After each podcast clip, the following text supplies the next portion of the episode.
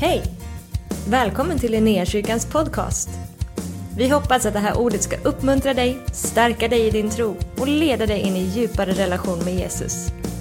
Gud välsigne dig i ditt lyssnande.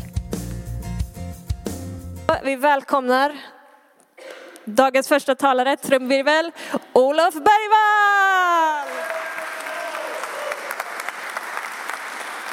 God eftermiddag allihopa. Eh, jag heter ju Olof, Eh, helt nyinflyttad i Göteborg, kom hit förra lördagen. Men eh, det är så, jag är gammal vän med Gabbe så jag har hängt här rätt mycket och jag känner många som bor här i huset och så. Och eh, som vi sjöng förut om att Gud, Jesus, han har bevisat den stora kärleken för oss. Och det är den kärleken som jag har upplevt under tre års tid nu och det är den kärleken som jag kommer vittna till er om. Så för att berätta lite kort så, jag kom till tro för tre år sedan. Jag har vandrat med Herren, det har gått upp och ner, det har varit en riktig berg och dalbana. Jag har gjort loopar och volter och allting men nu, nu är jag på en, eh, nu är jag på en, eh, vad säger man, en nedförskulle känns det som i alla fall. Men lite kort om mig själv, eh, min historia och sådär. Så jag är, jag är 20 år, kommer från Örebro och när jag, hur jag kom till tro, det började allting med att jag spelade pingis. Okej, jag och Gabbe är gamla pingisvänner. Så vi har spelat pingis och känt varandra sedan vi var typ 12 år. Och när han var 15 år, jag var 14, då flyttade han ner till Åsa. Det är en eh, liten by i Kungsbacka. Och så spelade han pingis där. Och jag åkte dit en gång varje år för att ha ett pingisläger, eller jag, jag gick på ett pingisläger som var en vecka där. Så jag träffade han bara då och då. Och när vi var vänner, det var inte, han var inte kristen då, jag var inte, eller han kallade sig kristen men det var inte så han följde Jesus. Jag trodde inte på Gud, absolut inte. Jag, I fredags han presenterade mig som jordens största ateist. Det var, det var typ så jag var. Jag hade ingen tro på någonting. Jag var en, en, likgiltig. Ja, jag var så likgiltig på tro, ni vet. Jag tänkte omöjligt att det finns en gud. Vi har vetenskap, dittan och dattan. Min farsa är psykolog och min mamma hon är också utbildad i samma eh, genre, ni vet. Så jag hade liksom, jag tänkte det är vetenskapen som vi har nu och det, all, alla som tror på Gud är bara gammaldags. Så där, du vet. Det går inte. Men sen det var en dag, Gud han gjorde det på tio sekunder så förvandlade han mitt liv. Och det skedde så att jag kom ner en gång och hälsade på han. Och då hade jag sett att eh, han hade lagt upp ett vittnesbörd på Youtube om eh, hur han kom till tro. Och min första tanke det var att det här är ju, alltså, det, det är jättekonstigt att han står och säger något sånt där. Men det fick jag förstå sen varför han sa så när jag träffade honom på det här lägret. Så så frågade jag lite han om Gud, vad, vad är det här grejen, var, varför har det blivit så här? Du vet, jag tänkte i bakhuvudet att det är jättekonstigt. Men han förklarar för mig lite då och då, han pushar inte på mig någonting, men, men jag börjar ta in det lite, då, eh, lite grann, ord för ord, ni vet. I en... Så sen sa hans tränare till mig att jag ska komma och spela för hans, eh, för hans lag. Jag ska flytta ner till Åsa, ville han. Och det här var under samma period som det var coronaskola. Okej, så man var hemma i två veckor och så var man i skolan i två veckor. Så de här två veckorna som jag var hemma, då var jag här på västkusten och spelade pingis och eh, han tjötade om Gud med mig och jag hängde med till kyrkan, ni vet.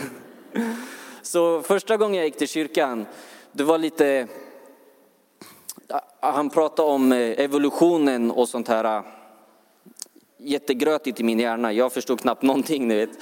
Men så det sköt ut mig. Sen hängde jag med en tillgång och den gången så var det faktiskt två personer, Gabbe och hans vän, som bad en bön att jag skulle bli frälst. Inte att jag hörde den, inte att de bad för mig, för ingen har någonsin bett en bön för mig vid det här tillfället. Jag har bara lyssnat på vad folk har sagt och lyssnat på um, vad heter det? predikningarna, på pastorn, exakt. Så det var så första gången, då var det så tråkigt när jag var den här, i den här kyrkan. Så jag gick ut ifrån kyrksalen när de lyssnade. Märkligt nog, så vi kom tillbaka veckan efter. Eh, jag skulle egentligen åka hem då, men vi kom tillbaka ändå. Och vi satt längst fram, vi satt vid sidan sådär, längst fram när pastorn talade här. Det är en ganska gammeldags kyrka, det är den Vallersvikskyrkan som vi hade församlingsdag i förra söndagen. Så vi sitter där, och den här söndagen då är det inte jag som går ut, utan då är det som går ut ur kyrkan. Han tycker det är så tråkigt, ni vet. Så jag sitter där, jag bara känner det större i telefonen, jag kollar upp till Gabbe, bara, han bara kom ut, kom ut, det är tråkigt. Så jag, Nej, jag klickar bara, jag, jag vill fortsätta lyssna. Så i alla fall, det ledde till att pastorn, han sa att till alla er som tror, till alla er som inte tror, som är nyfikna, som har ett, kanske en fot, ett steg in i tron, eller bara vill ha någon, eh, någon fråga eller vill ha en bön, kom fram till mig så pratar vi. Och jag hade hört att det finns något som heter en frälsningsbön. Okay? Jag visste inte vad frälsningsbön var, det var inga ord som jag visste vad det betydde. Liksom.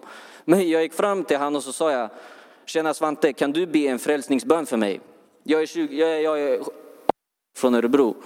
Då sa han, okej, okay, absolut kan jag det. Han var fett förvånad, jag har aldrig träffat honom innan. Men det bara blev så, du vet. Så han höll mina, han höll så här med sina armar, ni vet, på mina axlar. Och så skulle jag blunda och så skulle jag eh, böja huvudet ner. Och jag tänkte, vad har jag gett mig in på? Jag har aldrig bett förut. Det här är skitskumt, ni vet. Men så han börjar be orden och sen ska jag repetera dem efter han. Jag tror på dig Jesus Kristus och allt sånt där.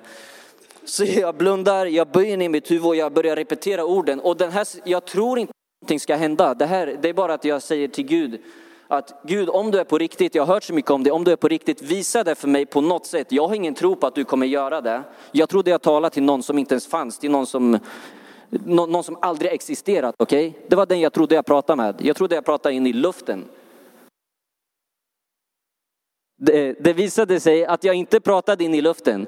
För när jag stängde mina ögon, när jag upprepade det han sa och när jag vände blicken ner, då kom Guds kärlek in i mig. Något som jag aldrig har känt förut.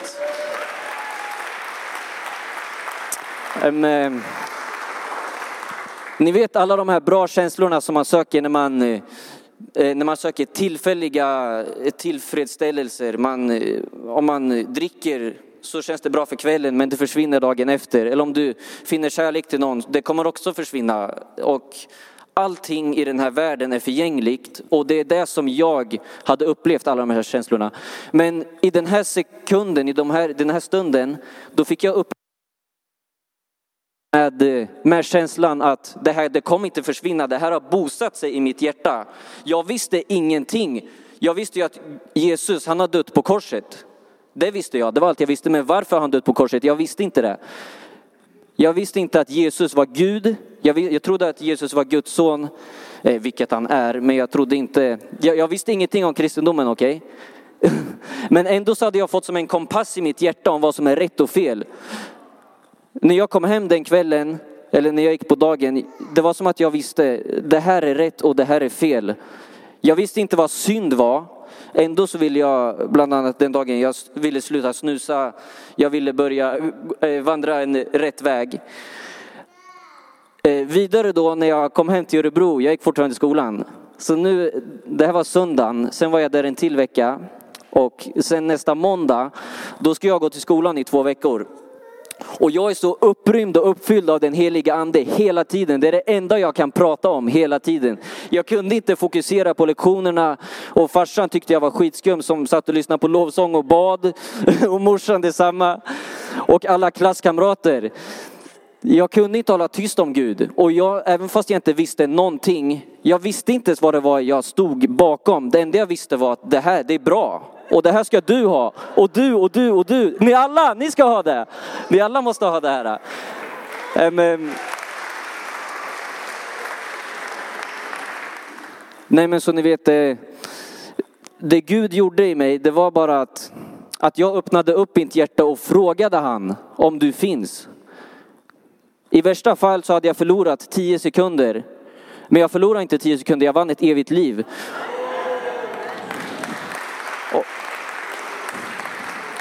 Och verkligen all ära till Gud. Sen, sen den dagen då, som jag sa, min tro har gått upp och ner. Och eh, jag kom nyss hem, jag, i mars, Ja, I mars så åkte jag till en bibelskola i Mongoliet, en skola som heter YWAM.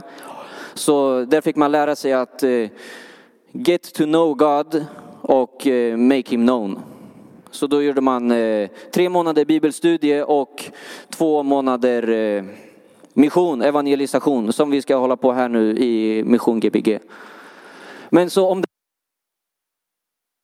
är någon här som inte har upplevt Guds kärlek om det, om det är någon här som inte har upplevt Guds kärlek så vill jag bara säga dig att du kommer inte förlora någonting på att fråga Gud om han finns. Och jag är ett levande bevis på att Gud finns, för vad Gud har gjort i mitt liv. Jag gick runt och jag tänkte jag kommer vandra på den här jorden, sen kommer jag eh, kanske skaffa en familj och jag kommer plugga och jag kommer bli pensionär och jag kommer dö och ingenting har någon mening med någonting. Jag brydde mig inte om ett skit, jag lovar, jag brydde mig inte om någonting. Men nu vaknar jag upp varje dag med eh, med eh, valet att välja liv eller död, glädje eller eh, hat, hopp eller otro. Och varje dag jag väljer de här goda sakerna och jag väljer Jesus Kristus. Det är de dagarna som blir välsignade, det är de dagarna som jag får äran att spegla Guds kärlek ut till andra. Så jag vill verkligen uppmana, om det är någon som inte har testat en bön, fråga någon här om de kan be för dig. Om det är någon som inte har testat be till Gud, be till Gud, sök han. Bibeln säger sök och du ska finna. Det kanske inte sker som det skedde för mig. Gud, han har en tid för oss alla. Och jag lovar dig, tappa inte tron för att han inte svarar direkt. För Gud, han har en tid för dig. Och jag lovar dig att han står bakom hörnet och väntar på att du ska komma till honom. Så det var lite av min historia. Tack för att ni lyssnade och för att jag fick stå och prata här idag. Tack för att du har varit med oss. Hoppas du känner dig inspirerad av Guds ord och har fått nya perspektiv. Hör gärna av dig till oss och berätta om Gud har rört vid dig på något sätt. Vi är så glada att få höra vittnesbörd om vad Gud gör. Du kan mejla oss på adressen info och dit kan du även mejla om du har ett böneämne som du önskar att vi ber för. Eller om du har tagit emot Jesus och inte har någon bibel så vill vi mer än gärna skicka en bibel till dig. Skicka ett mejl med ditt namn och dina adressuppgifter till info så ser vi till att du får en.